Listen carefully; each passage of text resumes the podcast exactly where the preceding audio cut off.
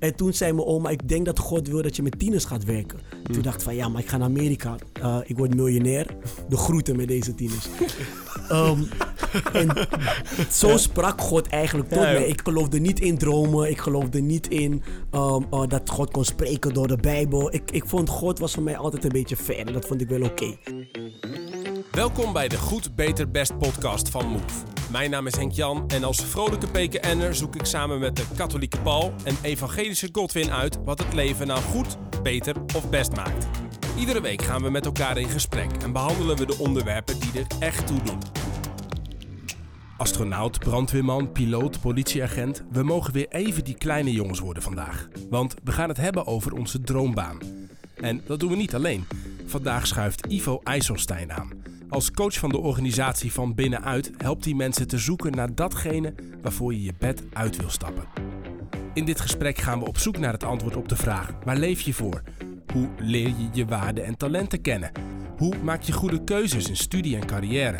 En hoe kun je God betrekken bij belangrijke keuzes op dit gebied? Let's find out.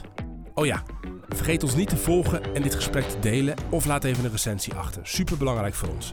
Kleine moeite hoop ik. Thanks.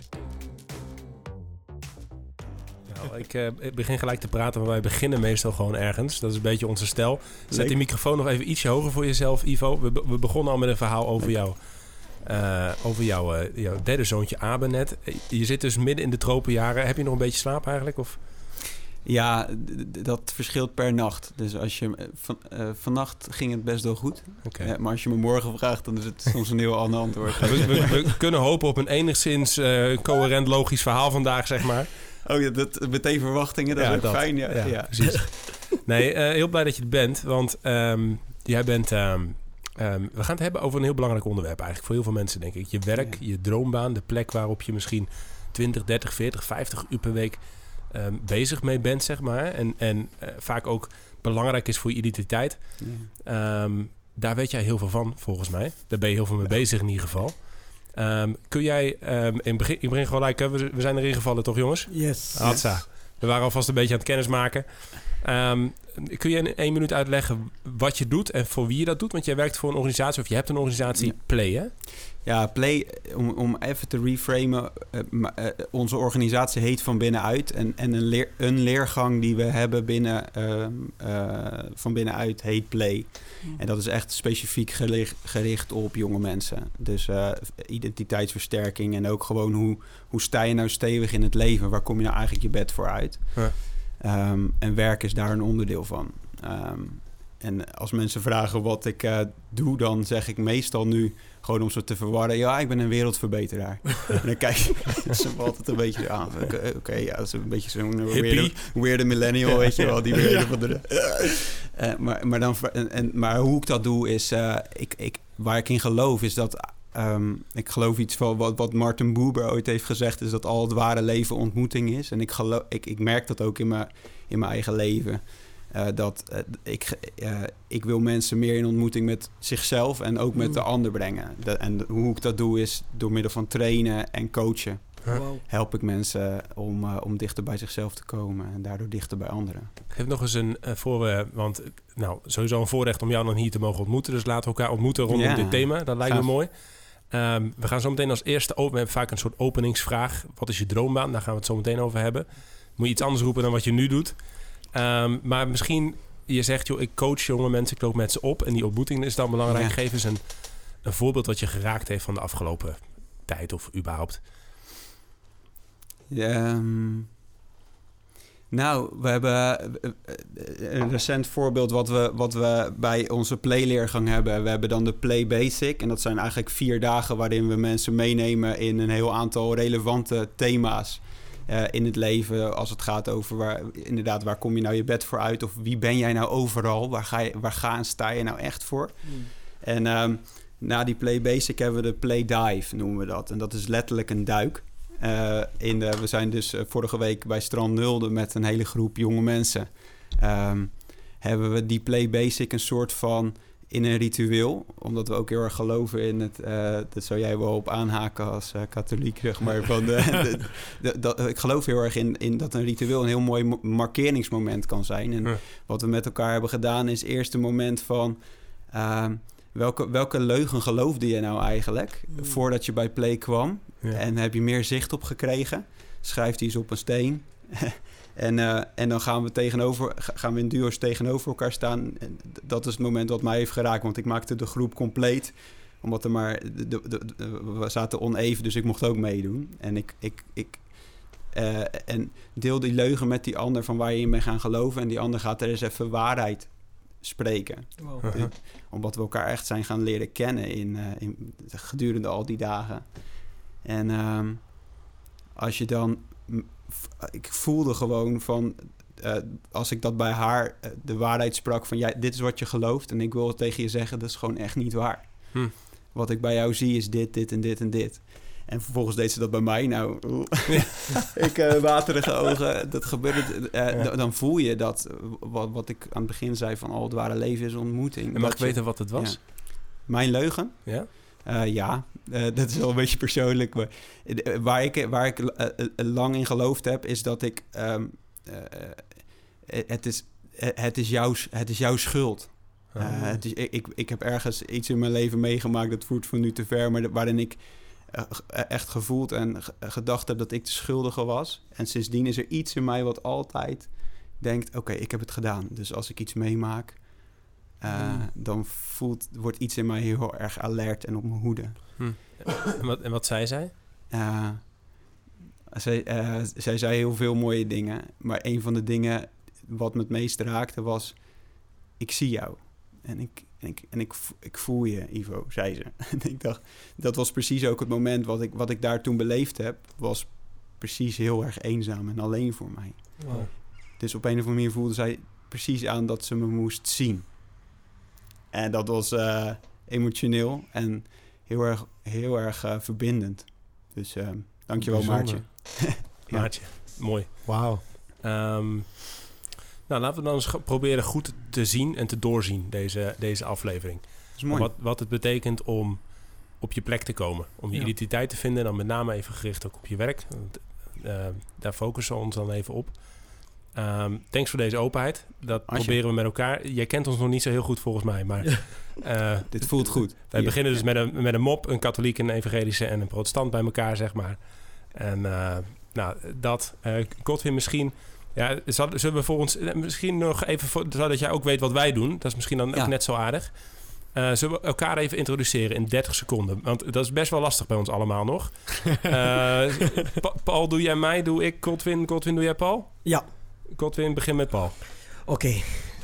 Kijk goed naar je rechterhand. Ja. Dat is Paul. Paul is een bedweter. Hij is een persoon die alles weet. Hij komt uit de katholieke hoek.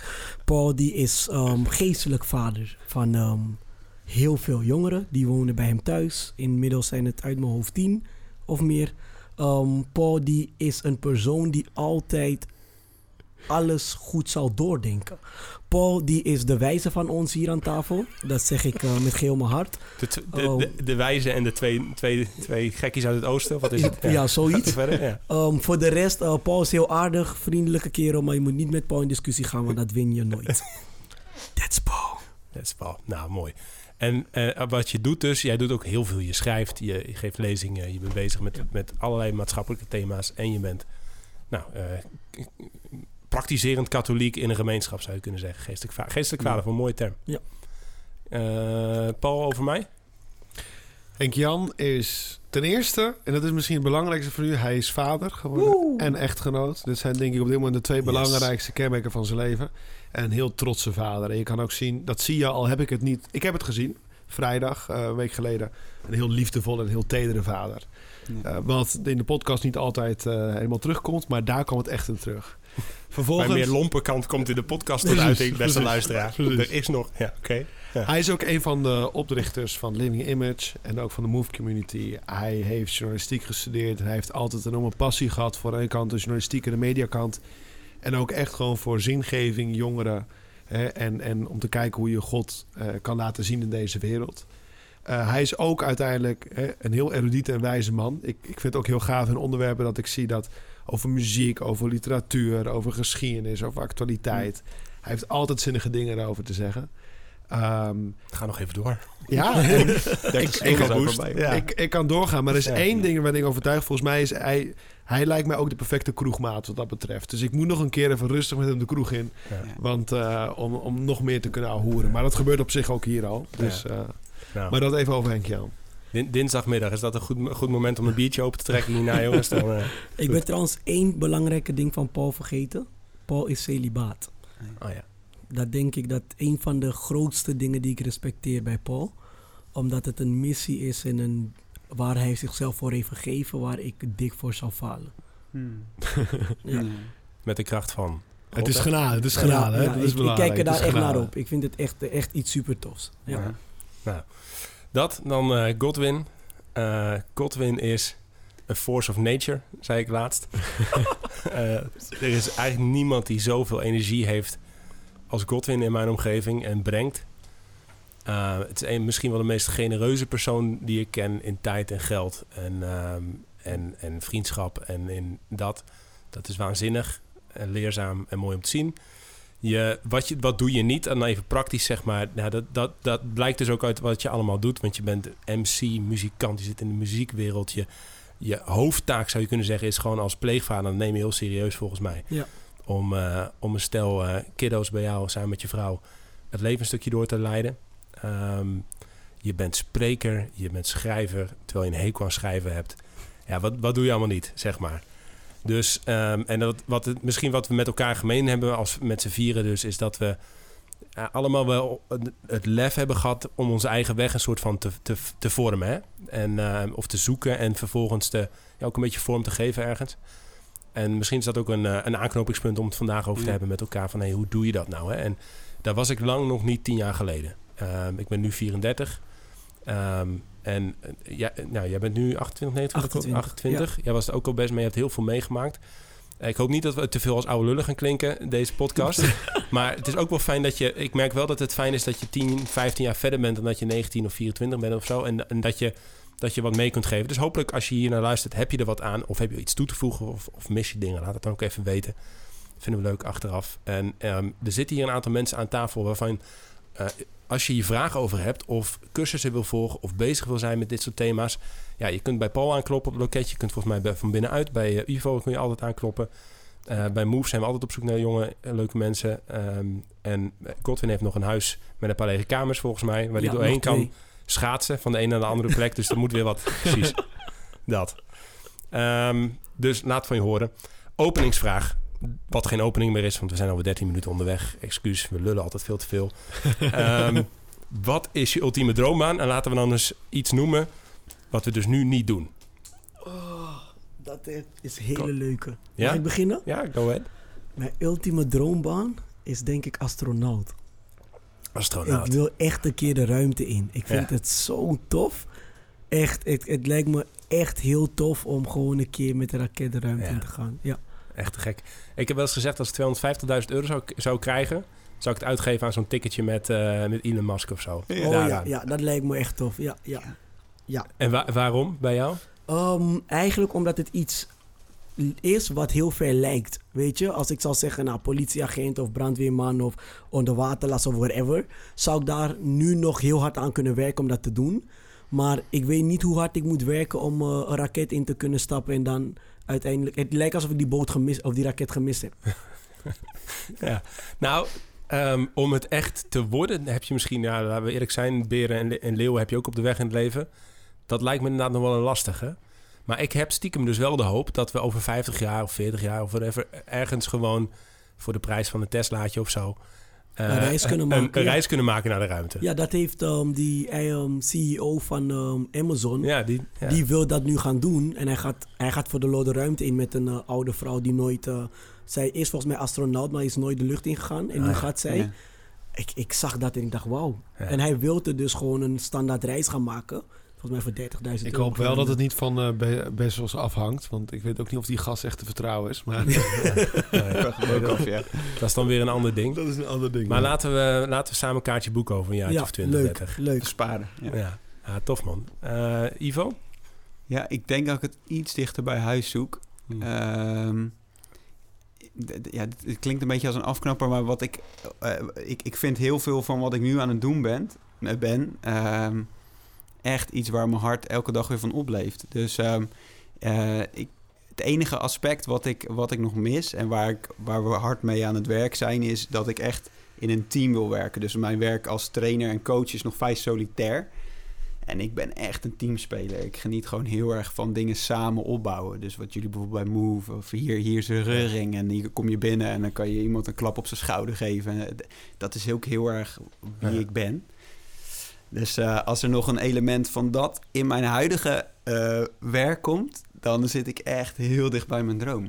Ja, mooi. Ik heb er echt over nagedacht, maar het is toch echt mijn antwoord. ja, en maar Ja. je hebt niet nog stiekem zo'n jongetjesberoep of zo... dat je zegt van, nou, ben nog Ja. even brandweerman zijn. Of... Nou, als je dat zegt, eh, dan zou ik nog iets meer met dieren willen werken. Oh, ja. Mm. Heel grappig, maar dan zou ik misschien ook echt prima een, eh, een jaartje als oppasser totdat ik de stront zat ben. Maar Ja. eh, ik hou ook heel erg van eh, met dieren. We hebben kippen thuis en konijnen en shit. En, dus ik, ik, ha- ik, of andere manier word ik, word ik altijd rustig van dieren. Oh, ja. Die hebben een heel kalmerend effect op mij. En ik ben nog wel een eh, spring in het veld soms. Dus Nou ja, de, de- kijk, de, de grap is wel, hè, dus, dus misschien, nou ja, punt 1, volgens mij kan dat. Er zijn een hoop dieren in de wereld, dus als je, als je zou willen, zou ik- dankjewel voor de aanmoediging. Hij is echt een prima coach bij Ja, jou. ja, nee, ik voel me echt aangemoedigd, man. Maar een, een collega van mij hier, die kwam terug van zijn wereldreis en die eh, ging weer als editor en cameraman verder. Maar die zei, ik wil ook gewoon dat buitengevoel blijven vasthouden. Ja, Dus die is gewoon een dag minder gaan werken hier. En die is gewoon een dag werkt hij in een moestuin en eh. Transwijk hier in Utrecht, zeg maar. Met eh, Ja. mensen met een rugzakje en weet ik veel wat. Maar gewoon met zijn handen in de aarde, zeg maar.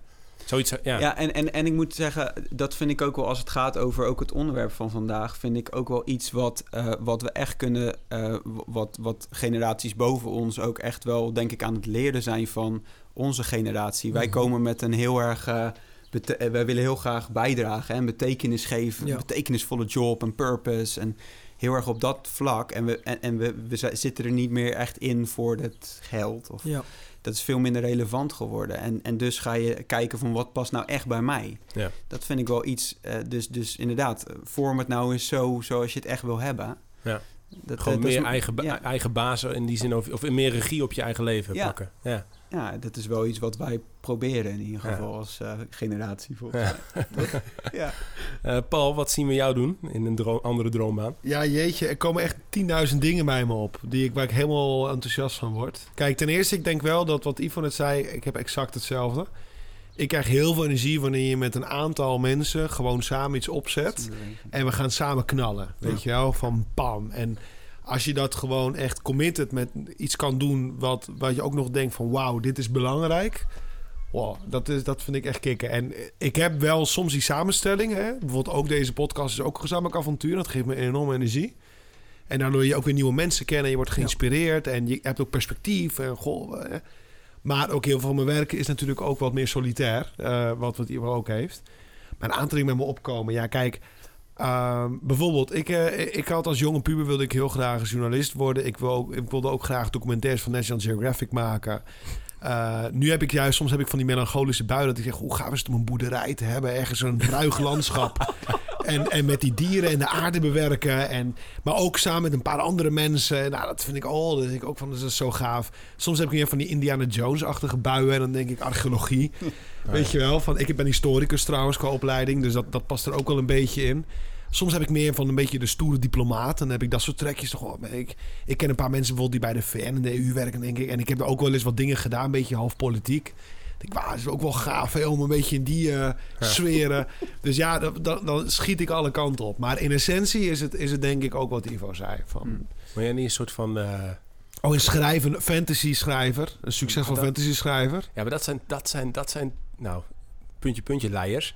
Ik hou van, ik hou van fantasy schrijvers, maar allemaal beginnen ze aan epische grote series en dan zit je tien jaar te wachten op een volgende boek. Ja, ik leid... Ik, ik, ik, Daar heb leid nu- je onder. Ja, ik heb dat nu met, eh, met een paar jaar. ja, Jij hebt het waarschijnlijk met Rodfoods van... Ja. Ja, ja daar, daar Ja. zit iedereen mee. En de ander is Brandon Sanderson. ja, precies. Ja, daar lees ik alles van. En dat is weer van shit, nu weer anderhalf jaar wachten. Man. ja, dat is wel... eh, ja. Mooi zijspoor. Ehm, En jij? ja, ehm eh gewoon had ik net wat bedacht. Ik, heb ook, ik ben ook net vader geworden, dus ik heb ook wat te weinig slaap, denk ik.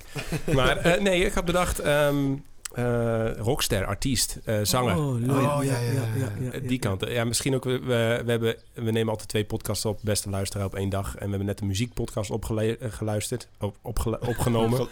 alle, alle barsters. Nou, niet helemaal opgenomen. Hè. Soms heb je op pauze gedrukt. Zo, ik zat, te- ik zat te klooien tijdens die aflevering. Nu loopt hij beter volgens mij. Dus, ehm, maar gewoon, gewoon ja, ik heb daar een beetje aan geproefd in mijn puberteit. Maar ik ben gewoon te slecht in. Ik heb gewoon te weinig talent.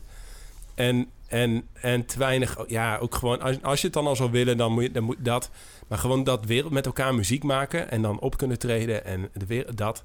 Ja, dat, dat is ergens wel een droombaan hoor. Toch? Wow. Ja. Dus je wilt meer in de spotlight staan. Nou dus ja, de- ik ook wel een beetje van. Dat klopt. Bij de volgende Move um, en uh, Living Image uitje gaan we dus een podium neerzetten... Nou, waar jij even rockster kan zijn. dat is best wel leuk. Ik vind dat best een goed idee. Laten Ja, gaaf. Ik hoorde van, van, eh, van vrienden die hadden laatst een soort uitje gehad en die hadden zanger Bas uitgenodigd.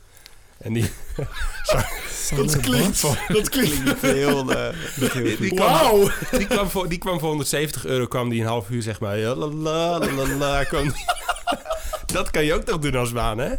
Maar we kunnen, we kunnen in ieder geval met ons volgende personeelsuitje over een jaar of zo dus wel inderdaad een podium neerzetten. Want er zitten wel wat, wat wannabe podiumbeesten in. Ah, En dan een paar eh, gitaren erbij. Dat Volgens is wel mij heb je goed ook idee. nog wel twee wannabe podiumgasten, hoor. Ja.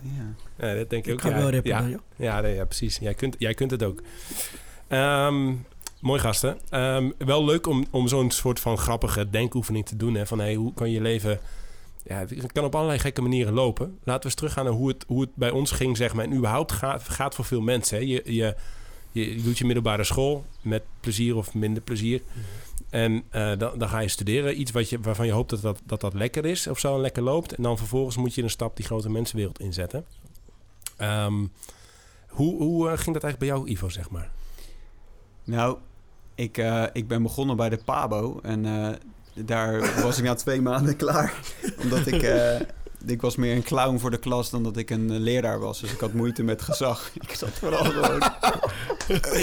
dat is wel een leuke ervaring. Maar ik was 17, weet je wel. Ja. Ik vind het ook echt, eh, ook voor de mensen die nog relatief jong zijn, die nu luisteren, denk ik ook van... Hey, als je niet in één keer de goede keuze maakt, het is echt niet raar. Ik had dat Nee. ook echt... van joh, wat moet ik nu, weet je? Eh, en voor mij was een vormingsjaar eh, echt heel, heel goed daarna. Dus ik heb een half jaar bij het EH-traject gedaan. Dus dat is echt een eh, promotie, het Evangelische Hogeschool. Ja, dus dat is echt- misschien... Ja, Want we proberen gelijk als soms tipjes uit deze Ja, podcast, ja. podcast. Dus als je, als je in een soort tussenfase zit, op zoek bent... pak een Ja. half jaar, een jaar, een EA tussenjaar Ja. bijvoorbeeld of iets. ja, of vind, in- vind inderdaad iets van wat je stil gaat zetten bij relevante thema's waar je op dat moment mee bezig bent. Want dat was voor mij gewoon heel erg belangrijk. Ja. En wat leerde je Oh, eh, daar? Ehm, hoe, ik me, hoe, ik na kon denken over, hoe ik na kon denken over van, eh, eh, hoe ik naar de wereld keek, hoe ik naar God, hoe ik me tot God verhield, tot een mens. Ehm, eh, ik, ik heb daar ehm, vriendschappen op gedaan die ik nog steeds heb.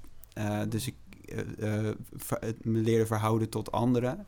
Ehm, even niet bezig zijn met presteren was voor mij ook een belangrijk ding. Hoewel je daar ook wel testen en zo had. Maar ik, was er vooral, ik zat er vooral gewoon voor mijn eh, eigen ontwikkeling zat ik daarin. En dat maakte uiteindelijk dat ik eh, een keuze heb gemaakt voor een studie die, waar ik nu achteraf van kijk. Nou, heb ik ook niet heel bewust in gekozen. Maar wat, gewoon heb je, wat heb je gedaan eigenlijk? Eh, ik heb eh, management economie en recht gedaan. ah ja, In, breed. in Ede. Ja. Lekker breed. Ja. Dus ik geloof dat je uiteindelijk... eh, Uiteindelijk kom, kom je wel ergens. Zo kijk ik nu terug naar mijn eigen, naar mijn eigen carrièrepad. Want ik, ben, ik heb een handelsonderneming in schilders, ezels en doeken gehad... nadat ik ges- afgestudeerd was. Eigenlijk een avontuur waar ik in ben beland met een, een vriend en zijn vader. Die zeiden van, joh, wil je hier niet bij instappen? Ja, klinkt wel, klinkt wel leuk, weet je wel. maar ik- Schilderezels. Oké. ja, die Ja. moet ook verkocht worden, Ja. weet je. Ja, en, en, en het leek me wel leuk omdat het ook eh, over, over processen en het, het neerzetten van een bedrijf vond ik wel leuk. Maar daar ontdekte ik dat ik het echte contact met de loodsmedewerkertjes in die, eh, eh, die, die, we dan, eh, die we dan hadden. Ik had ze allemaal bij mijn bureau en er gebeurde iets in het contact tussen mij en die ander. Dat ik dacht, dit is gaaf.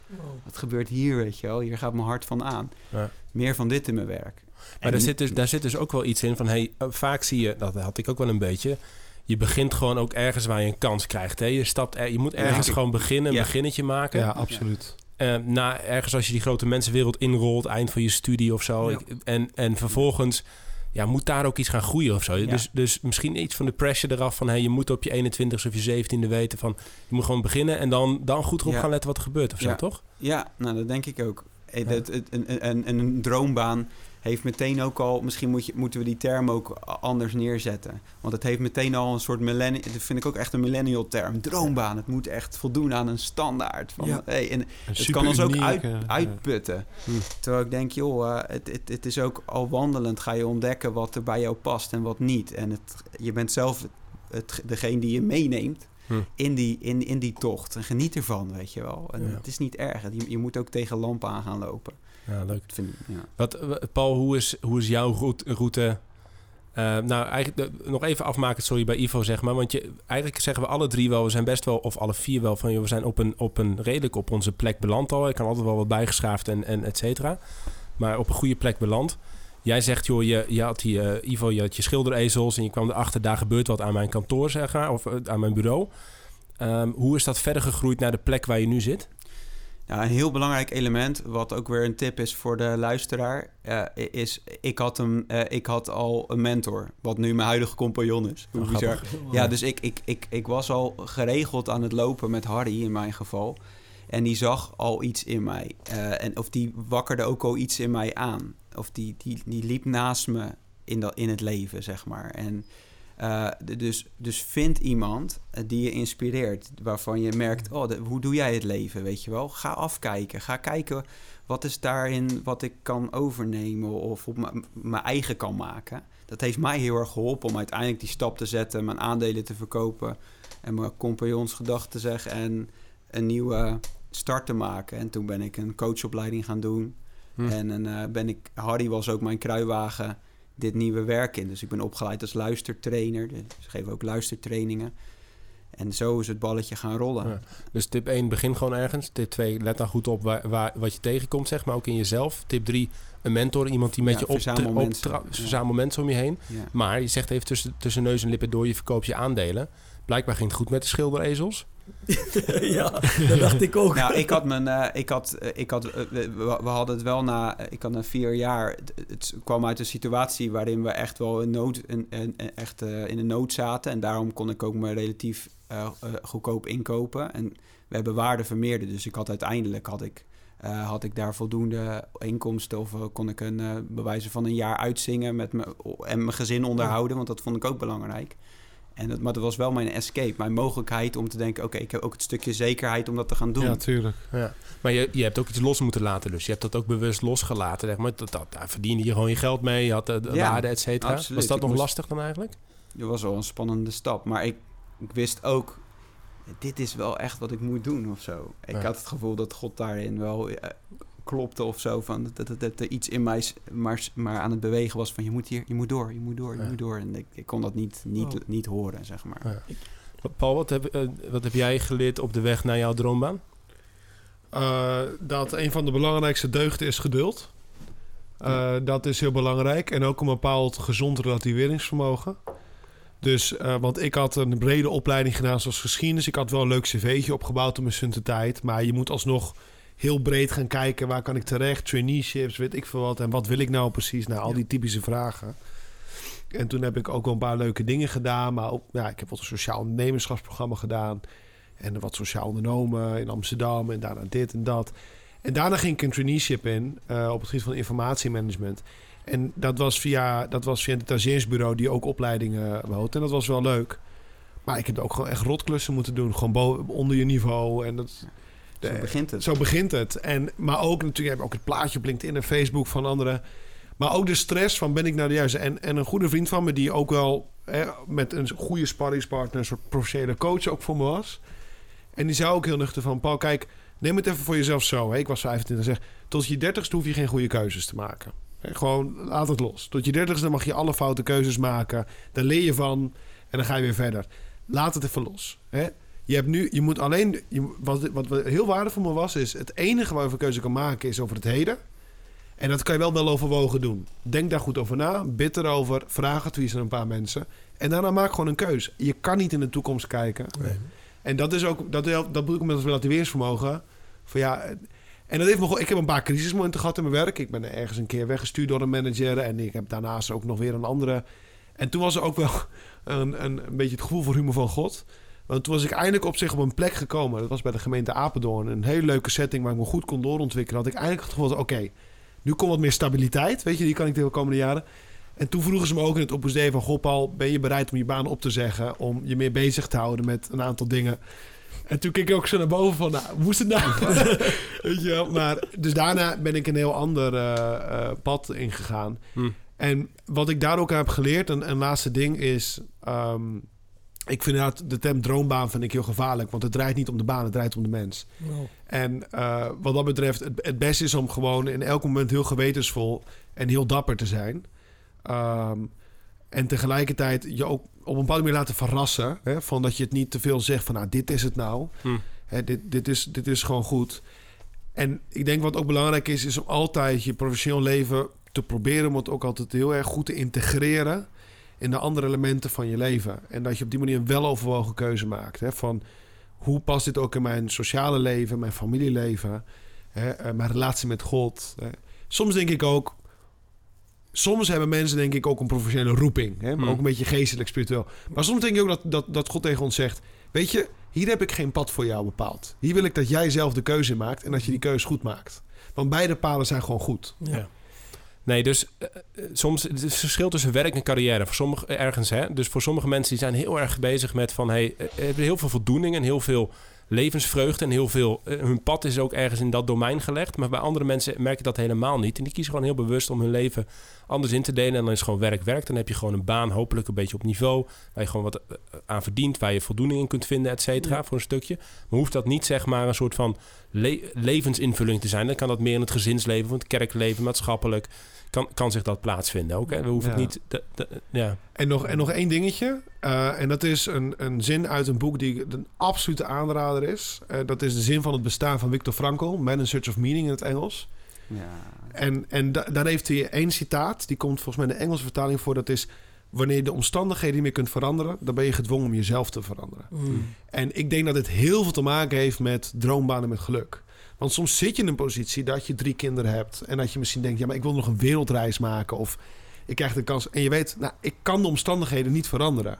En dan moet je, ont- dan moet je werken aan je houding. Mm. En dit is zo belangrijk. Hè? Mm. Ik raadde net een film aan, ik ga niks spoilen... maar in de film Soul van Pixar... dan kom je een scène tegen bij een kapper... dat gaat hierover.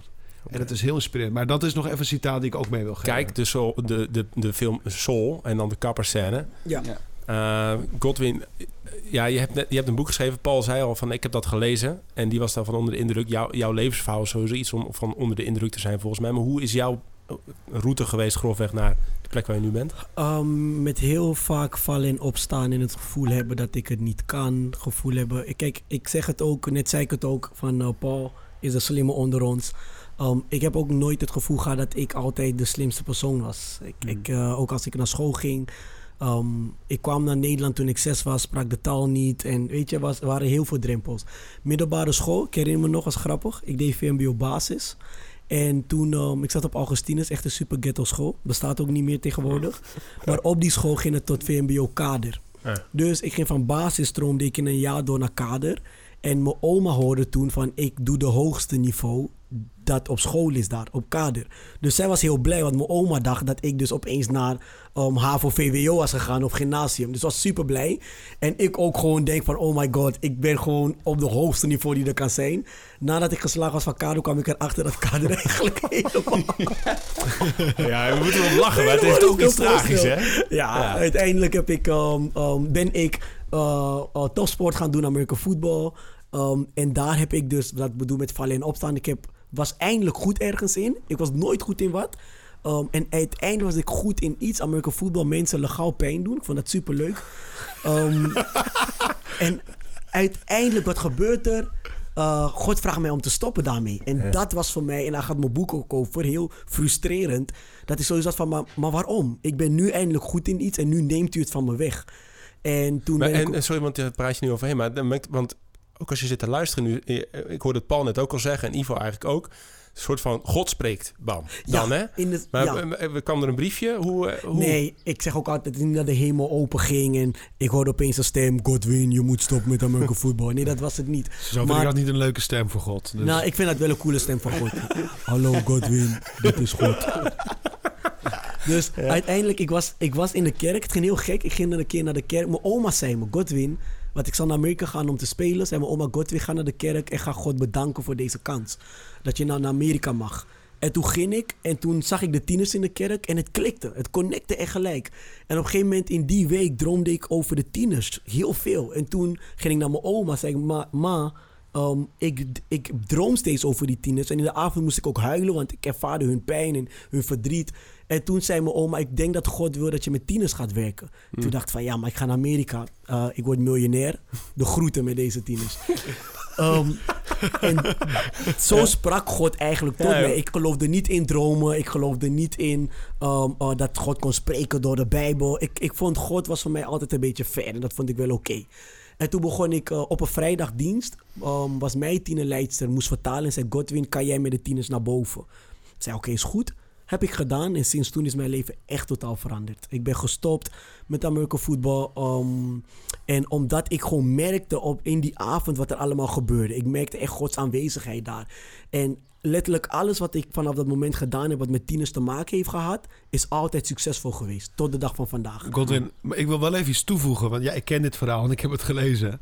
Wat ik volgens mij, wat, wat, eh, wat mij volgens mij ook heel belangrijk is geweest, ook voor de luisteraar. Jij bijvoorbeeld wekenlang om drie uur s'nachts elke avond zitten te bidden, urenlang. Ja. Dus ook om te vermijden het, het, gevoel van, oh even tien minuutjes bidden of ik word even geraakt en ik weet dat. Nee, het is ook gewoon soms, hè, ik kan wel maar ook het hard bidden. Ja, klopt. En geduldig bidden, klopt. toch? Ik, ik weet niet hoor of je dit... Ja, ja, eh, dat is waar. En het was ook niet alleen om um, bidden uit geduld alleen, maar ook een beetje frustratie van God, wat moet ik nu? Hm u, ik lees over de Bijbel dat u plan heeft met mijn leven. En dat, dat zegt mijn oma, dat zegt de jeugdleider. Maar ik wil het zelf van u horen. En als ik het niet van u hoor, dan hoeft het van mij ook niet. Dat, dat, zo praat ik ook met God. En uiteindelijk, ja, ik werd elke avond drie uur werd ik wakker. Stond ik op, ging ik bidden en God vragen: wat wilt u, wat wilt u, wat wilt u? En uiteindelijk heeft hij ook echt gesproken en heel duidelijk van Godwin blijf in Nederland en werk met tieners. Hm. En toen zag ik een, een, een, huis vormen en dat huis was een... Ik, ik leg het altijd uit als zeg maar hoe een fabriek eruit ziet in een tekenfilm. Dan heb je een pakketje wat leeg binnenkomt en dan is hij verpakt en dan gaat hij eruit. als zeg maar um, zo'n lopende bandeffect. En ik zag dus tieners die eigenlijk... Ik zag gedaantes, helemaal in het donker, down, depressief. En schenen door het huis en kwamen voor met licht eruit. En toen zag ik daarboven stond ook livehouse En de slogan was omdat het leven thuis begint. En ik dacht, God zei me, dit is wat jij gaat doen. En ik begreep het niet. Ik deed tegen, eh, um, werktuigbouwkunde en mechanica, vertelde ik net ook aan jou. Ik, ik zat op een gegeven moment tijdens stage in een lashok had ik met plakband ehm, die lasapparaat eh, vastgebonden. En toen ging ik, viel ik gewoon in slaap. Want ik wilde eigenlijk dat ze dachten dat ik aan het lassen was. Dus je hoorde gewoon dit... tijd. Nou, was mijn laatste stagedag, kan je wel raden. Ik werd gelijk ontslagen. Um. Maar dat soort. Ik, ik, en toen op een gegeven moment ben ik dus bij Anthony. Heb ik bij de podcast over vaders verteld. Als je dat niet hebt geluisterd, ga even terug en check hem even. Maar toen ben ik bij hem gaan wonen. En hij zei me ook op een gegeven moment: misschien moet je ook iets gaan doen met je studie richting mensen. Ja. En toen begon ik uiteindelijk, wat ik binnen de kerk deed, binnen de, met de tieners, begon ik pas te kunnen plaatsen. Ja, mooi man. Ja. Ik vind, ik vind Knijts dapper man. Wat je, de keuzes die je hebt durven maken. En hoe, ook met name over hoe je hebt, hebt durven luisteren naar God of zo. Hè? Hoe, Ja. En daar, daar dus ook ja, niet soort van afwachtend op hebt gereageerd. Maar wat Paul zegt, dat je gewoon daar dan ook actief mee aan de slag bent. Hè? De- op een gegeven moment klikt er iets van, klopt dit nog of zo? Maar dan Ja. daar vervolgens actief mee aan de slag gaan. Dat is cool. Ehm, en, maar, en ook gewoon praktisch. Ik hoor ook weer hier, zeg maar, die, die vaderfiguur, identi- identificatiefiguur. Ja. Dat, hè. En, en ook iets van ja, luisteren naar wat er al in, is, in, in je is gelegd of zo. Hè? Van, hey, waar, waar, ik, ik had gisteren een gesprek met een vriendin van me. Die, die is op latere leeftijd bijna blind geworden. Dat is best een heftig dingetje. Wauw. En eh, nu ook weer op zoek, nou, een aantal jaren, het is alweer een tijdje terug, maar een, een soort van werk, nieuw werkleven, zoiets. En eh, ik trek nu een tijdje met haar op eh, om daarin mee te denken. En ehm, ik, ik vroeg haar waar, waar, het had een aantal opties uitbedacht, zeg maar, van hey, waar, waar krijg je nou vlinders van in je buik, hè? Eh, Dat gevoel, hè? En dan, en dan eh, daar maar gewoon eens beginnen. Ja. En ehm, nou, dat, dat vind, vind ik voor mezelf ook altijd wel een goede of zo. Hè? Dat, als het aansluit bij iets waar je gewoon echt veel zin in hebt, iets wat je leuk vindt, waar je van houdt, dat, dat, zit, dat, dat is ook een goede, toch? Ja. Ja. Ehm, En jij? Ja, ik, nou, ehm, de, de, de korte versie is journalistiek. Ehm, echt van gehouden. Bij Omroep Gelderland de tijd gewerkt.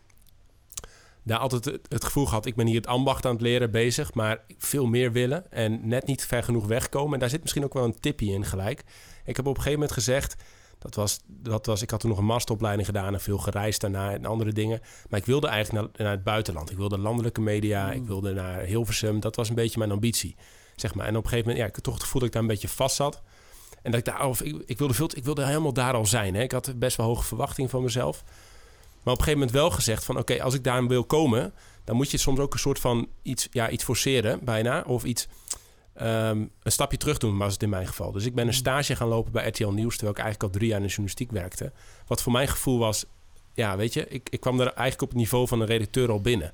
Hm. Dus het deed wel een beetje een soort van pijn aan mijn ego. En anderzijds had ik het gevoel van... ja, ik moet gewoon me hier nu laten zien, zeg maar, bij RTL Nieuws. Ja. Hè? En ehm, daarna was er nog steeds geen plek voor me. Maar een jaar later belde ze alsnog dat er wel plek was. Dus dat was voor mij een stap, zeg maar, in, in, de, in de juiste richting daar. Voor, in ieder geval in mijn leven een, een mooi moment. En later is dus dat, dat zeg maar ook, ook soms de nederigheid hebben om gewoon een stapje terug te doen. Te zeggen, ja, weet je, het is niet, je wordt niet zomaar opgepikt of gezien. Dit is Ja. niet dat de hele wereld zit te denken, halleluja, Henk is hier, weet je. Laten, laten we hem eens even de, zijn droombaan geven. Eh, dat heb ik ook wel meegemaakt. En, en, en dan gewoon, ja, to- als je echt iets wil, moet je soms ook gewoon in geld of in tijd moet je echt investeren. Ja. En dat doe ik nu als ondernemer ook wel. Dat hebben we met Living Image en Move ook gedaan. En dat heeft ons best wel ver gebracht al. Dat. Ehm, en het tweede was, ja, soms, soms komen er dus, dat is denk ik ook gewoon Gods leiding dan ergens, ehm, of, of Gods plan of Go- Gods, Gods hart of zo. Mensen op je pad, in dit geval Felix en eh, Ruben en Laurens en Stefan eh, van Living Image. Die waren toen net begonnen, zeg maar. En daar, daar ontstond iets. En ik, ik, had toen, ik was toen 28, 29 of zo. En ehm, ik had toen gelukkig wel inmiddels de, de wijsheid dat ik dacht... oké, hier ligt een kans. En hier moet ik misschien ook weer stevig in investeren. Maar je krijgt niet zo heel veel echte kansen in je leven. Nu moet je dan ook gewoon het lef hebben om nou, eh, daarin te stappen. Het was ook een crossroads ergens 2017. Ik zou misschien correspondent worden voor RTL in Zuid-Afrika. En ik zou, of ik zou volledig met Living Image zeg maar, in een bootje stappen. Lijkt me Nou, dat- echt spannend, Ja. zo'n keus. Of ja, niet? ik ging trouwen die zomer. Dat is echt een soort van crossroads geweest, denk ik, in mijn leven. Die zomer van, hey, eh, ik heb ingezet primair op Zuid-Afrika. Ben er toen de- bij de laatste twee of laatste drie gekomen, maar niet geworden. En toen dacht ik ook, ja, dan is hier niet per se bij RTL, want ik zat er al wel, maar een andere functie, eh, eh, mijn plek om te blijven. En bij Living Image voelde het wel, zeg maar, als, als een plek om dan te investeren. Toen heb ik gezegd, oké, dan ga ik daar gewoon instappen. Ook best wel pragmatisch. Ik wilde gewoon lekker reizen, avontuur, Ja. die gasten, dat Ja. klikte. Dat. Eh, Iets doen met mijn geloof ook, dat wat een opbloeien was. En vervolgens ja, zijn we gewoon met heel veel, ehm, ja, toch ook wel lef, denk ik, gaan bouwen. Gewoon allemaal 1500 euro in de maand verdienen, een paar jaar lang. En gewoon gaan bouwen met elkaar. En, eh, en ook gewoon heel veel. En dat, ik zit nu steeds meer op mijn plek. Maar ik heb ook echt ook in die, die fase gewoon allerlei shit moeten doen waar ik geen zin in had. Dus gewoon op vrijdagavond om 9 uur de, de, de piep BTW-aangifte zitten doen. de planning waar je geen verstand van hebt. De, Ja. de, al dat soort dingen, weet je wel. Dat hoort er ook gewoon bij. Het is, ik, ik vergeleek, ik wilde laatst een LinkedIn-post eh, post doen. Die komt er nog wel aan. Ehm, het voelt, nu ik vader word, voelt het, voelt het eh, weet je, je, hebt iets wat ehm, zo fragiel is of zo. Je moet daar echt in investeren, weet je wel. Je moet Ja. daar echt... En, en, ehm, en dan, dan kom je langzaam op de plek terecht waar je, waar je misschien wil zijn of zo. Maar dan moet je wel... Ja, je moet er wel voor willen werken ook gewoon. Zo simpel is het ook. Ja. Hey, dit, dit triggert me wel echt even een vraag. En het is een beetje een wat als, maar op dat moment had je natuurlijk die keuze wel kunnen maken. Wat als je het was geworden met die correspondent Zuid-Afrika? Was het dan vanzelfsprekend geweest dat je het was gaan doen? Nou, ik denk dat we nog wel even een soort van moment hadden gemaakt. Hadden- De principebesluit was gemaakt, ja. Dus we hadden gezegd van, eh, als, dan gaan we gewoon na de zomer gaan we naar Zuid-Afrika en dan gaan we daar wonen, mijn vrouw en ik. Ik ben heel blij dat het niet gebeurd is. Toen was het wel een teleurstelling. Ja, Maar dit is, het leven wat ik nu leid is veel beter voor mij en mijn vrouw en mijn zoon nu. En, en past veel beter bij, bij me, weet je. Dat was eerder nog een droom die ik, en misschien is dat, nou, ik probeer de lessen er gelijk uit te pikken, maar ook wel een soort, het was mijn droom, correspondent zijn, oorlogsjournalistiek, gekke landen, weet ik veel dat. Ehm, maar dromen kunnen veranderen of aanpassen. Ik heb het later op, op allerlei manieren toch ook nog wel weer meegemaakt binnen de context van Living Image. Uh, werk in Afrika, et cetera. Maar ehm, die functie, die plek, die, die, die, journalistieke omgeving was uiteindelijk pas minder goed bij me dan waar ik nu zit. Dus ik denk dat ik daar ook Hmm. gewoon een soort van een beetje in nou, nou, ben behoed bijna. Dus eigenlijk is een sleutel die jij ons nu geeft, is jouw droombaan nu, is niet altijd jouw droombaan voor later. Nee, nee, dat, nee, dat klopt. Ja. En dat zei ik gisteren tegen die vriendin ook, van- vriendin ook van, weet je, als jij, want ze zei ook, ja, ik wil misschien wel eh, een pakket bakken, ik zou het van taarten bakken en nog een eh, keer een, een, een, een, espresso bar openen of zo. Ik zeg, ja, hoef je niet op te geven. Dat- weet je, je moet nu wel een keer kiezen. Je kunt niet alles tegelijk doen. Ja. Maar als jij over twintig jaar met je man besluit, lekker, we gaan nog even lekker taarten bakken en een, een barista worden, ja, lekker doen. Weet je? Maar, dat, maar ehm, en die dingen kunnen veranderen en daar mag je ook wel in meebewegen. Ja, Ja. mooi. mooi. En we gaan werken tot onze zeventigste waarschijnlijk, hè? we? Ja, dus we hebben nog een tijdje. Ja, Ja. ja, gewoon meer qua pensioenleeftijd bedoel ik, eh Godwin. Ja, niet we, ik niet. Jij niet. Oké, Ja. jij niet. Maar de, de meeste Nederlanders wel. Ik wil ook zeggen van als je nog, als je nog 30 bent, dan heb je gewoon- gewoon echt 40 jaar van je leven. Hè? Ja, ziek hoor dat. Ook om dus eh, fouten te maken. Of het zijn niet eens fouten. Het, zijn gewoon, eh, het is gewoon een beweging die Ja. je maakt. En je, ik, wij, wij zeggen bij Play zeggen we tegen de mensen... eh, jij doet wat je kunt in dit leven om ehm, eh, je stappen te zetten... en te durven en te kiezen, Ja. et cetera. En je, en je talenten te ontwikkelen. Maar eh, ergens geloven wij ook ehm, dat het leven jou ook dingen aanreikt. Dus het Ja. leven komt je ook tegemoet en reikt jou dingen aan. Of het leven, wij in deze, in deze Ja, setting God, gaat het ja. over God. Eh, wees je daarvan bewust. En die alertheid of die bewustwording, daar heb je, dat is volgens mij echt een key van. We- Wees je be- bewust van wat, wat het leven je ook aanreikt aan Ja. dingen. En, en, en we zijn zo gehaast over het algemeen in dit leven. Ja. Je mist echt daardoor volgens mij best. Als ik ook Hey, eh. Ivo, jij ehm, ik- ook even be- benieuwd. Hè? Jij, jij, je ziet dus heel veel jonge mensen. Je bent ermee bezig, zeg maar. Ehm, op zoek naar geluk, naar zingeving. Naar hoe doe ik dat nou, dat leven? Hè? Gewoon dat uitvogelen, denk ik. ja. Ehm, waar komen ze, ehm, met wat voor verhalen komen ze naar je toe? Het is eh, heel uiteenlopend, maar uiteindelijk, als je het afpelt, eh, gaat, eh, gaat het over: ehm, eh, ik, ik, ehm, hoe, hoe, hoe, leef ik, hoe leef ik mijn leven nou? Of het gaat over zingevingsvragen of gewoon vragen van uiteindelijk bovenaan de ladder gaat het over je identiteit. Wie ben ik nou? En hoe geef ik nou uiting aan, eh, aan, aan, aan, aan wat ik wil en wat wil ik eigenlijk? Ehm, dus dat zijn hele wezenlijke zingevingsvragen als ik het afpel. Maar waar het meestal mee begint is... eh, ik, kan, eh, ik kan echt geen nee zeggen. Of eh, ik kan geen keuzes maken. Of ik ben zo eh, eh, moe van alle... eh, help mij meer stilstaan bij, wat, bij mijn emoties, bijvoorbeeld. Ik, ik leef maar door. Ik, heb een, ik, voel, ik voelde... Ik, ik, besta, maar ik leef niet Hm. zeg maar. Of ik, ik ben een beetje afgevlakt. Dat soort, dat soort termen, dat soort, dat soort dingen. Ja, dus mensen lopen echt, echt vast op een stukje in zichzelf. En de plek waar ze zijn, willen ergens anders zijn. In zichzelf, buiten, Ja. daarbuiten. Ja, en, en vaak Ja. gaat het over een heel specifiek eh, eh, innerlijk, innerlijk conflict, noemen wij dat dan. Dus is iets in jou wat dat dan, wil, eh, wat, wat het dan roept van het, eh, je moet vooruit of het is, gaat niet hard genoeg. Of, Ja. of er is iets in jou wat de het aan het zorgen is. Hm. Maar uiteindelijk gaat het ook eh, over van waar kom je nou in de kern je, je bed voor uit? Wat is nou, waarvoor, waarvoor leef je nou? Ja. Dat is toch uiteindelijk ook wel het niveau waarop we coachen. Want we geloven een, ook een trap veeg je van boven naar beneden. Als je boven ergens op het niveau van identiteit, van zin en betekenis dingen verandert of bewustwording creëert, dan ga je op het niveau van waarden en talenten, je eigenschappen en uiteindelijk je gedrag ga je verandering zien. En dat Wow. ga je met iemand uitzoeken dan. Waarde, talenten, eigenschappen. Ja, of, eh, ja precies. Dus, Ja. dus eh, eh, maar ook, en hoe, hoe ben jij ook, dus dat gaat over de relatie met jezelf en hoe verbind je dat nou ook met andere mensen? Ja. Dus wij geloven Is- ook heel erg in de kracht van relaties. En jij, ehm, ik vroeg je vooraf van, hey, laat eens, ehm, heb je fragmentjes hè, van bekende sprekers Ja. of anderen die, ehm, die hier misschien ook iets over zeggen? Want het is niet iets wat op zichzelf staat per se. Hè? En jij zei, joh, ik heb Dirk de Wachter, dat is een Ja. Vlaamse psychiater. En ja, ik denk dat sommige mensen hem wel kennen. Eh, Zo'n hele lijzige, warme, diepe Ja, zeker. Vlaamse stem. Prachtige woordkunstenaar is. Ja. Ik, ik, ik- ja, het is echt... eh, ja. En heel veel bezig met, joh, onze maatschappij maakt ons ook een beetje gek, maakt ons bijna Ja. ziek, hè, heeft, zegt hij volgens mij Ja. ook. ja. En, en, hoe, eh, en, en daar best wel veel bekendheid mee, mee gecreëerd. Ik heb een klein stukje, je hebt een, een minuutje, een filmpje van zes minuten over MTS Live, dat hij inspreekt. Zoek Mhm. het eens op op YouTube, MTS Live, Dick, Dick te wachten. Laten we er een klein stukje van luisteren. Het begint met een soort van ja, pff, diagnose van hem, een soort van verhaal Ja. over wat hij allemaal om zich heen ziet. Ehm, een stukje Dirk. Aan de basis van zoveel miserie ligt eenzaamheid, zinloosheid.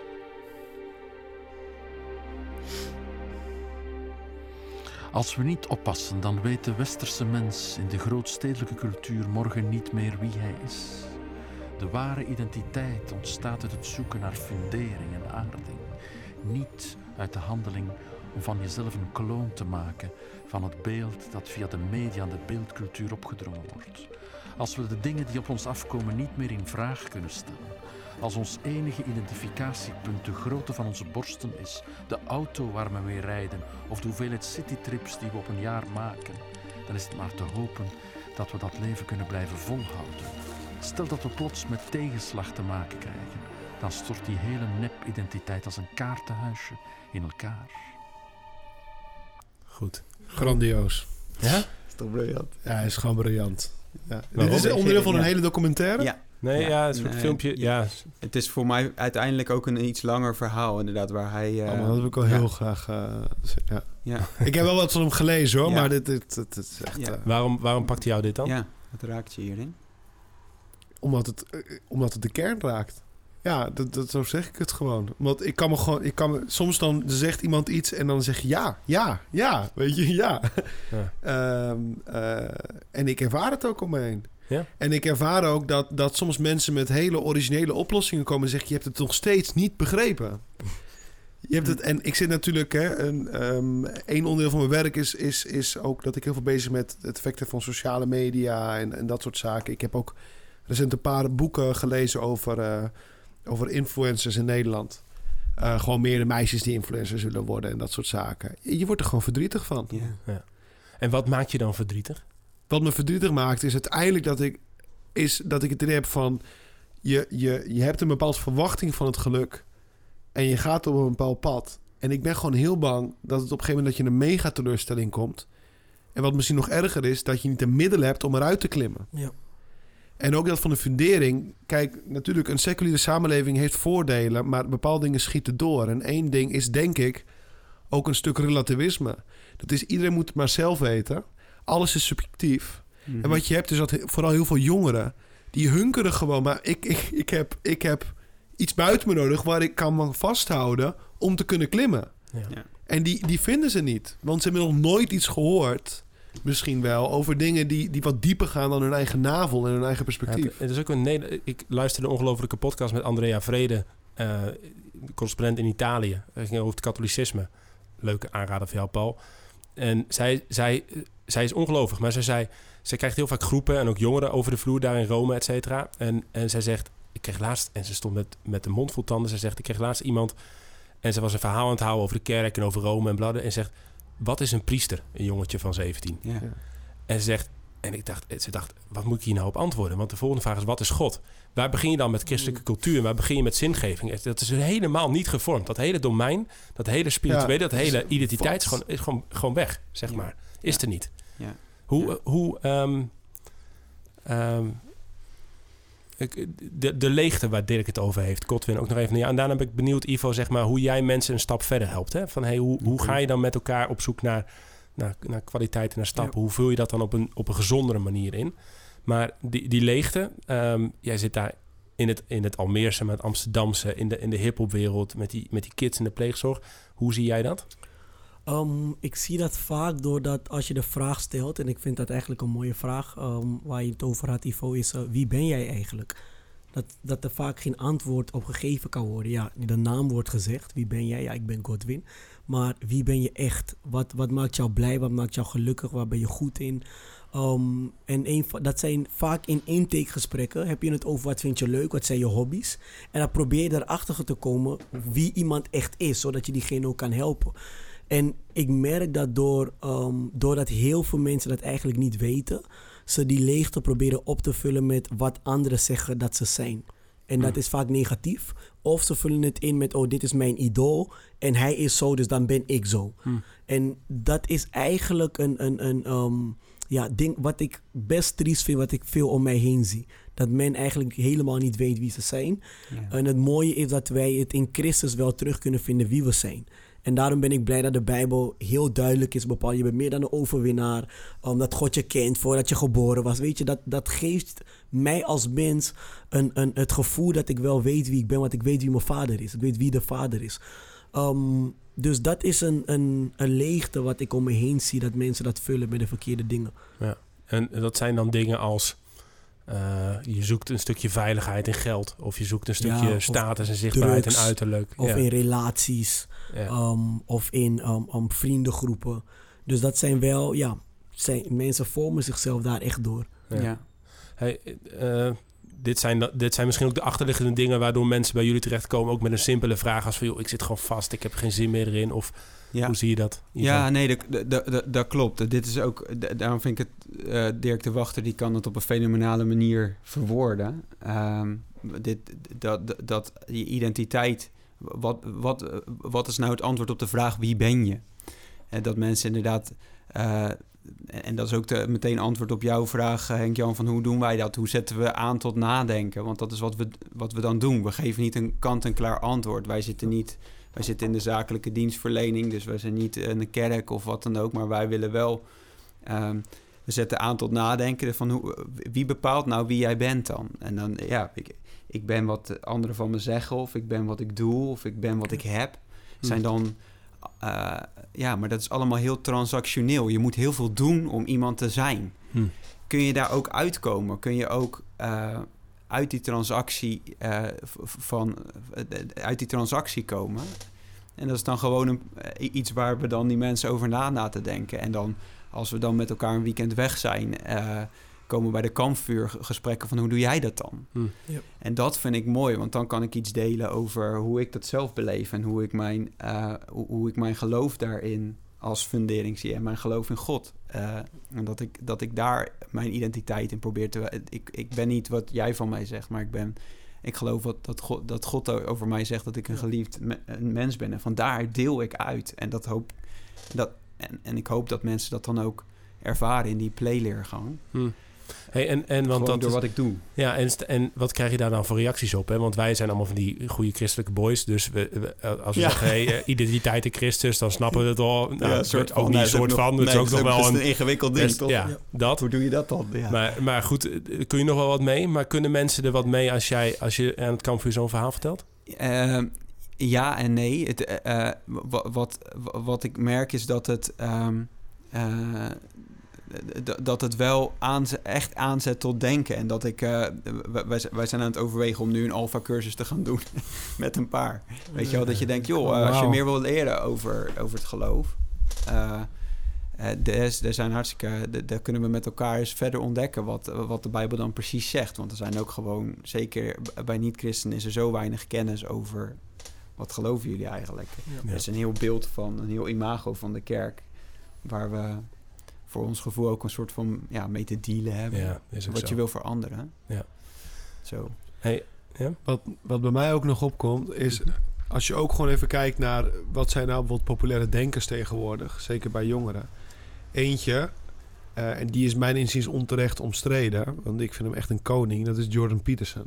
Ja, dat is, eh, dat is en, en eh, het beeld wat hier in Nederland van hem ontstaan is inderdaad, is, is eh, je kunt best wat kritiek op hem hebben, best. Tuurlijk. Hij is, is onterecht, want hij zegt waardevolle dingen. En een van de mooiste dingen die hij doet ergens, en wat wij proberen ook in deze podcast, denk ik, is, is af met dat eindeloze gerelativeer, maar gewoon naar een ehm, zoeken naar het betere leven. Zeg maar, Ja, naar het ja. beste leven. Naar, Ja. naar een leven. En dat, daar zit, daar, dat, dat zit vol met zingeving en relatie en, en al dat soort zaken. En, en, en dat gesprek mocht een tijdje bijna niet gevoerd worden of zo. Of werd bijna niet gevoerd. Ja. En, en- maar gewoon, eh, ja, gewoon klassiek. Eugene Peterson, zegt, een, the- een bekend theoloog, zegt het ergens in een, in een boekje van...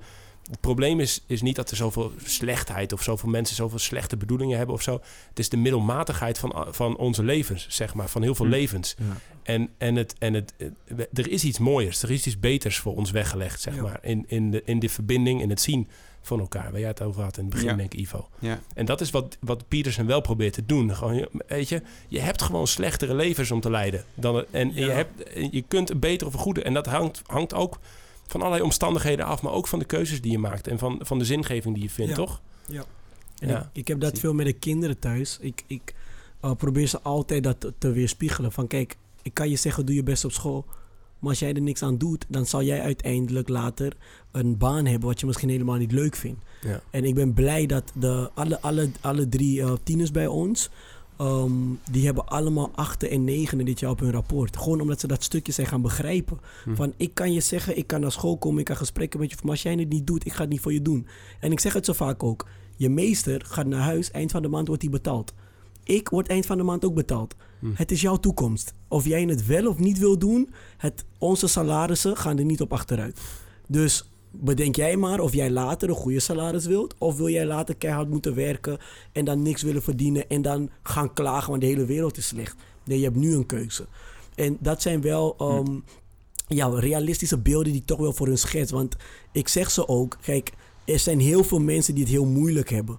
Waarom? Omdat ze toen ze jullie leeftijd hadden en deze kans hadden, niet hebben genomen. En ja, en dan kan je lopen klagen, maar je kan ook dan ook je best gaan doen. Maar het is jammer, het hoeft niet. Je kan er nu je best voor doen, zodat je later niet nog zoveel hoofdpijn hoeft te hebben.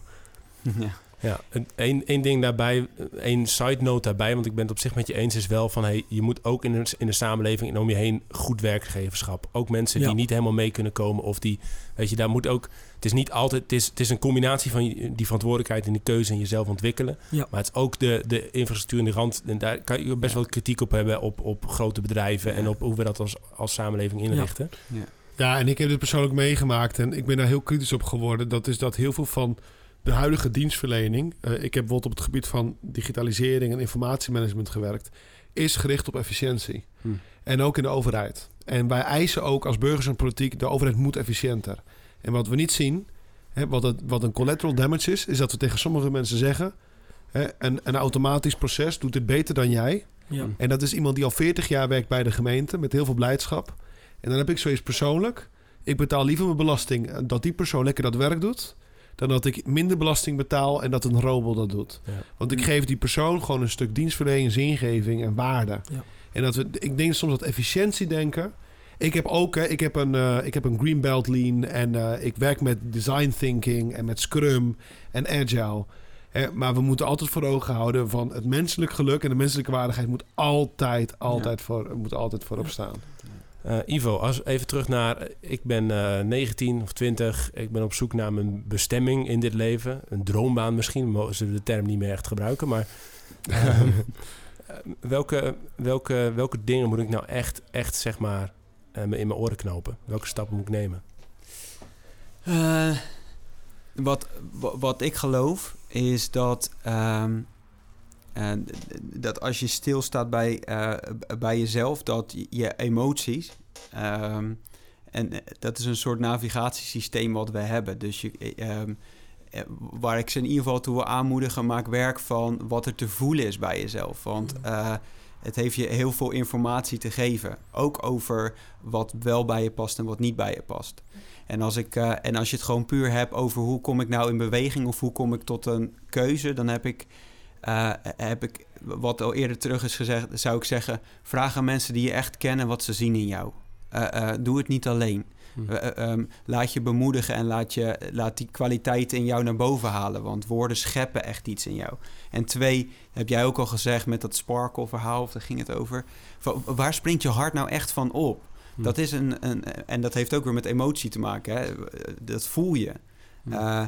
Dus waar springt je hart nou van op? Maak een lijst en kijk wat, wat er voor jou uitspringt. En het derde is eh, iets wat ik ook. eh, eh, wat draagt nou ook echt vrucht? Wat zie je dat je doet waarvan je denkt: oh, Hm. ja, dit is echt. Ik maak iets mooier of het, het, het geeft, het, het brengt echt iets. Dat is ook een belangrijke factor waarvan ik zeg, neem die drie mee en dan ben je al een heel eind op weg. Ja. Als je dat ook nog eens in verbinding met andere mensen doet. Ja, en, en dan eh, eh, hem- f- top opsomming. Ik vul hem nog aan met wat, wat Paul en ik ook al eerder zeiden, zeg maar, is geef jezelf tijd. Ja. Ja. Weet je, van, van tot je, Ja. tot je, dat heb ik ook, eh, tot je Ja. dertigste of zo. Ja. Gary Vee zegt dat ook altijd, ook zo'n online goeroetje. Ehm, van, eh, you've got time. Ja, tenzij je tegen een bus aan, tenzij je een busje kopt. Maar Ja. dan, dan, dan, is het, dan is het sowieso einde verhaal. maar Ja. maar eh, Ja. zeg maar, in principe, zeg maar, eh, eh, tot je, tot je dertigste gewoon de vrijheid te geven om Ja. allerlei gekke, gekkigheden uit te halen, te, te, te doen waar je... Ja, Ja. dat toch? Ja, en aanvullend, iets wat Simon Sinek ook zegt in dat interview. Dat is, hè, er komt er zo'n zo'n jonge gast na een half jaar en zegt... Ja, I'm leaving because I'm not having enough impact in the company. Ja. En dat is echt een half jaar, Ja. gast. Ja. Dus als je echt impact wil hebben... Hè, dan, dan is, een, dan is een, een, een project is vaak niet voldoende. Ja. Het is gewoon jaren tijd. Ja. Ja. Weet je wat ik ook wel mooi vind van wat jij vertelde? Is dat eigenlijk had je een eigen bedrijf. En alle jongeren nu gaan over, ja, maar ik moet als ZZP'er of als eigen bedrijf. En je gaat gewoon weer terug in loondienst. Omdat je merkt van, hé, hey, dit geeft mij voldoening. Ja. Um, en dat vind ik echt heel mooi dat je dat vertelt. Want wij hebben een beeld dat ons ideale droombaan altijd vanuit onszelf moet komen. Wij moeten Ja. het creëren.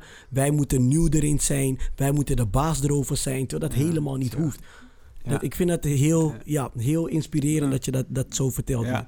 Een kleine nuance daarin is dat ik uiteindelijk wel als ZZP'er ook aan het werk ben gegaan hoor. Dus ik heb wel Oké. mijn, eh, dus sorry, sorry dat ik een beetje moet.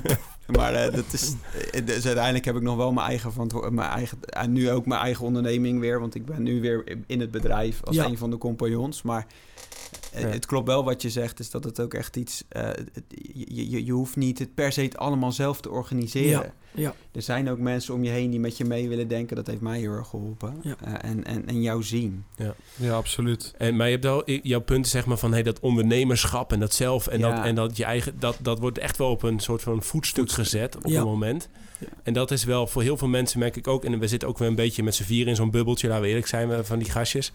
Maar ehm, het, is eh, eh, voor heel veel mensen zit daar misschien dus ook niet de ja, die, als je die vraagt wie ben jij en waar, wil je voor gaan of zo, hoeft niet dat, dat er niet te zijn, weet je wel. Kan het veel meer in de zorg zitten, kan het veel meer gewoon een mooie baan als, als ambtenaar of als boer of als Ja. whatever. Hè? Op de plek waar jij denkt dat je wat toe kunt voegen. En. Ja, en voor de ene is dat eh 12 uur per week of eh anderen willen 50 uur per week knallen. Ja. Weet je, ja. Ja, als ik e- e- één dingetje daar waar ik aan moet denken als je dat zegt. Er is een, eh, het langslopende onderzoek eh, in, eh, in, in de wereld. Dat is door. hebben jullie, heb ik, ken, weet, Nou, we hebben volgens mij een keer in een podcast heb ik het vermeld. Maar ik weet er niet zeker of ik Ja, het heb vermeld. ja Maar zeg het opnieuw, want dat was Nou, niet in deze. Wat ze onderzoeken is wat maakt nou een gelukkig leven? Oh ja.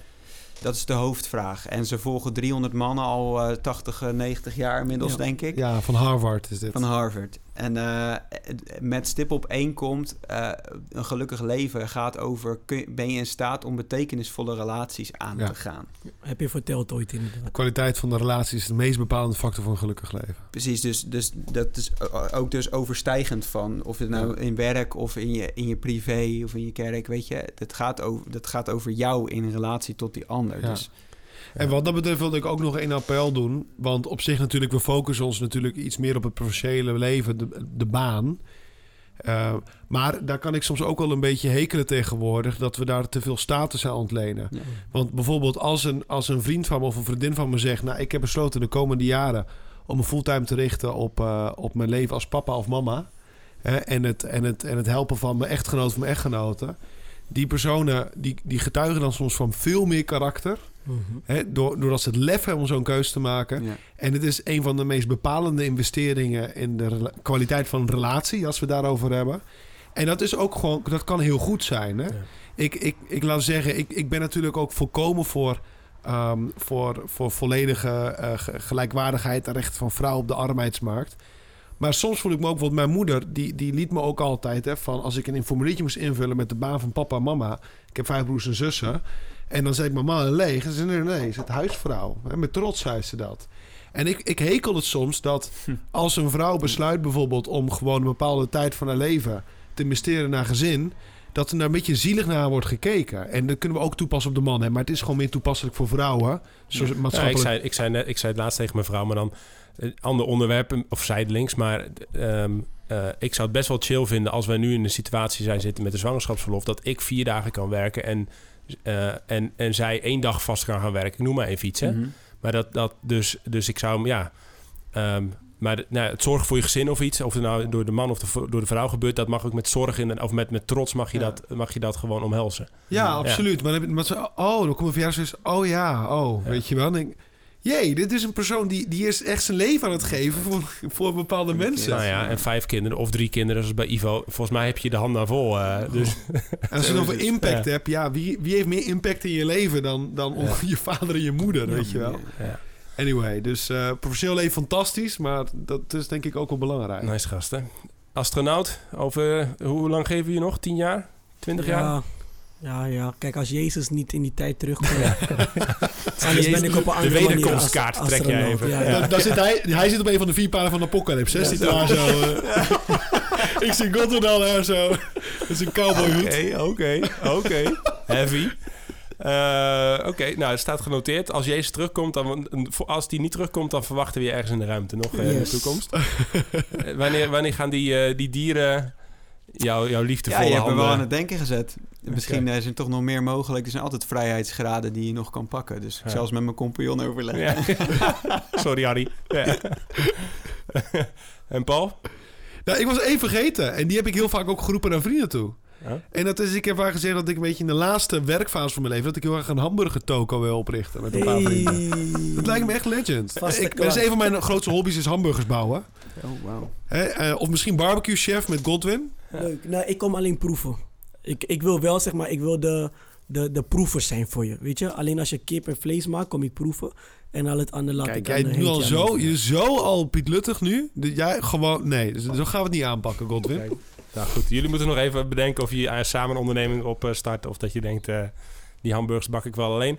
Ik neem mij in ieder geval voor om eh, bij het volgende personeelsfeestje mijn zanger, eh, mijn carrière als rockartiest Mooi, verder. mooi. En dan zal ik in ieder geval deze, en dan sluiten we daarmee af, eh, deze tentoonspreiden of, of uitvoeren. Oh, happy day. Oh, happy day.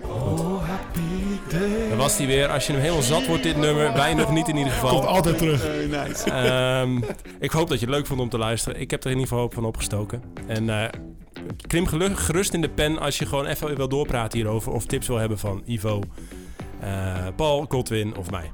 Thanks. Tof dat je luisterde naar de Goed, Beter, Best podcast. We hopen uiteraard dat je hebt genoten. En je kunt ons helpen en op de hoogte blijven door ons te volgen op Spotify, Apple Podcast of Google. En het te delen met vrienden, familie en iedereen die dit moet horen. We zijn er volgende week weer en we zien je dan heel graag terug.